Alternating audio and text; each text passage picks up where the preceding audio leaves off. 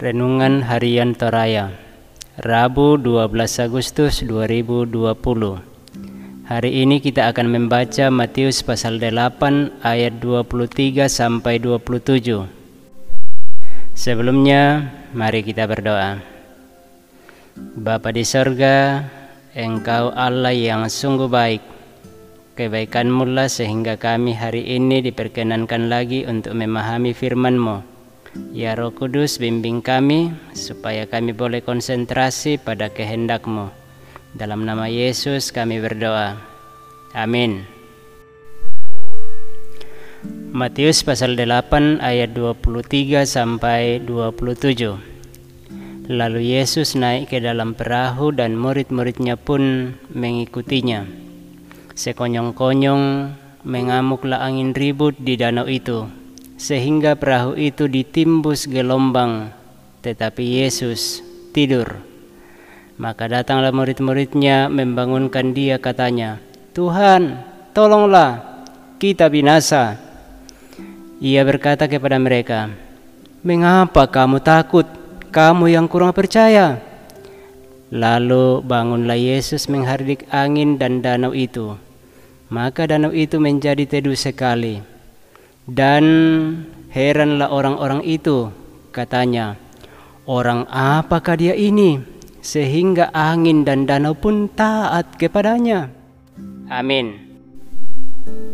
Sahabat Renungan Harian Toraya Awal tahun 2020 kembali disambut oleh berbagai bencana alam Longsor, banjir, angin puting beliung melanda berbagai tempat di Nusantara ini Suasana panik dan histeris, duka yang mendalam melingkupi sejumlah orang. Lalu di manakah Tuhan?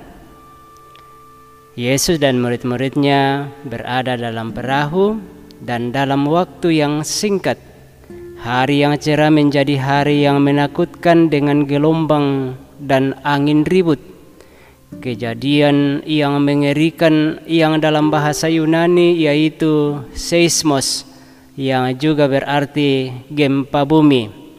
Gelombang-gelombang besar disebut kaluptestai, keadaan yang benar-benar membahayakan. Yesus yang tertidur dibangunkan oleh murid-muridnya lalu menghardik angin dan danau sehingga segera tenang. Pertanyaannya, apakah Yesus yang sekarang beda dengan Yesus yang dahulu? Mengapa umat dibiarkan binasa oleh badai? Kisah ini bukan sekedar menuturkan fakta tentang Yesus yang menenangkan angin ribut dan gelora gelombang laut.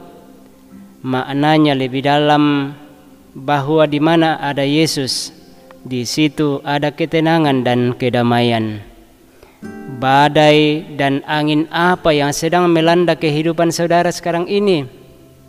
Mungkin badai kesedihan yang gelap dan menggetarkan, atau mungkin angin kemarahan yang panas dan hendak membakar, atau angin keraguan-raguan yang hendak mencabut akar-akar dan dasar iman. Ingatlah, mintalah pertolongan kepada Yesus karena kehadirannya membawa damai dan ketentraman. Ketika badai mengamuk dalam hidup kita, jangan resah, tetapi berserahlah kepada Yesus, karena Yesus selalu ada bersamamu. Terpujilah Kristus. Mari kita berdoa. Terima kasih ya Tuhan, firman-Mu mengajar kami apa pun badai yang melanda kehidupan kami, jika Yesus hadir dan kami menghadirkan Yesus serta tetap berseru kepada Yesus, Yesus pasti menolong kami.